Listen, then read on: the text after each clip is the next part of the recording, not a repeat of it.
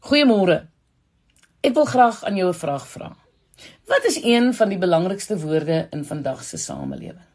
Bewaar, sekuriteit en bewaak. Kyk in Suid-Afrika verstaan ons die begrip veiligheid en sekuriteit so duidelik.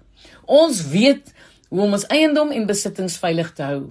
Ons hou dinge veilig van mense wat ons goed wil vat.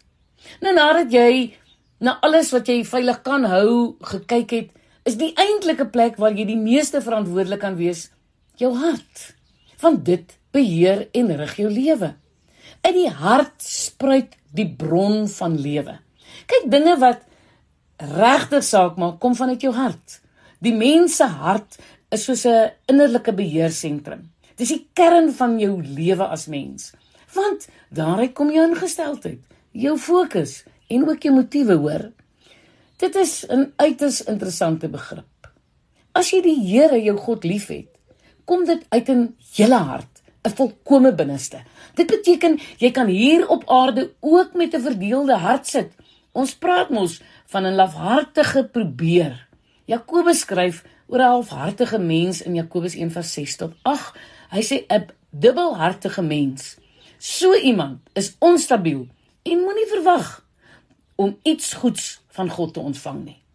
Nou hiermee kry ons die boodskap: God soek jou hele hart, jou volle beheersentrum op hom ingestel. Dan kan God deur sy gees jou lewe verander soos waar hy net die beste vir jou bedoel het. Hoe leef jy as jou hart volledig in iets belê is? Kyk, ons lees in 2 Kronieke 25 'n baie interessante deel. Ons lees hier van koning Amasia. Hy was 25 jaar oud, het koning geword en 29 jaar lank in Jerusalem geregeer. Sy ma was Adan van Jerusalem. Dis mos hoe inskrywings in koningsjoernale gaan. Lank en droog. Maar luister nou na vers 2.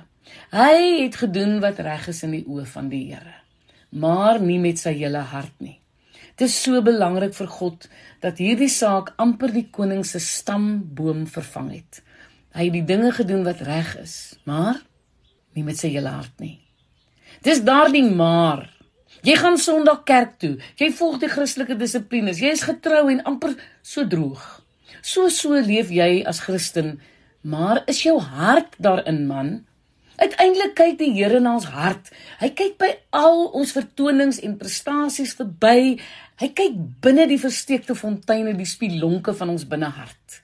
En 2 Konings 16 vers 9 stel dit baie sterk. Hy sê die Here het sy oë oral op die aarde sodat hy die kan help wat met hulle hele hart op hom vertrou. Dit was die boodskap aan koning Asa wat die toets gedop het. Dis interessant hoe hierdie begrip in die woord voorkom. Jy moet die Here nie bloot lief hê nie, dis met jou hele hart lief hê. So wat verwag die Here van jou om met jou hele hart te doen. Nommer 1, soek God. Jeremia 29 vers 13 sê: "Julle sal vra na my wil en julle sal dan my wil ken as julle met julle hele hart daarna vra." Man, God is opgewonde oor sy wil vir jou lewe. Soms soek ons die Here, maar ons aandag is so maklik afgetrek. Ons moet besef, ons kan nie sonder God bestaan nie. Hy is soos die asem wat ons inneem. Die tweede ding, gehoorsaam God. Deuteronomium 12 vers 16 sê met hart en siel. Die Here kyk nie net of jy gehoorsaam was nie. Hy kyk binne in jou hart of jy jou oorgee en erken die Here is jou God en jy sal volgens sy wil leef. Die derde ding wat jy moet doen is dien God. Matteus 23 vers 27 sê: "Julle is soos wit geverfde grafte wat van buite mooi lyk, maar daar binne vol doodsbene en allerlei onsuiverheid is." Godsdiens is wonderlik as jy jou hart volledig belê. Dis verskriklik as jou hart nie in die ding is nie. Jesus waarsku, die uiterlike vertoon beteken niks. God kyk na die innerlike.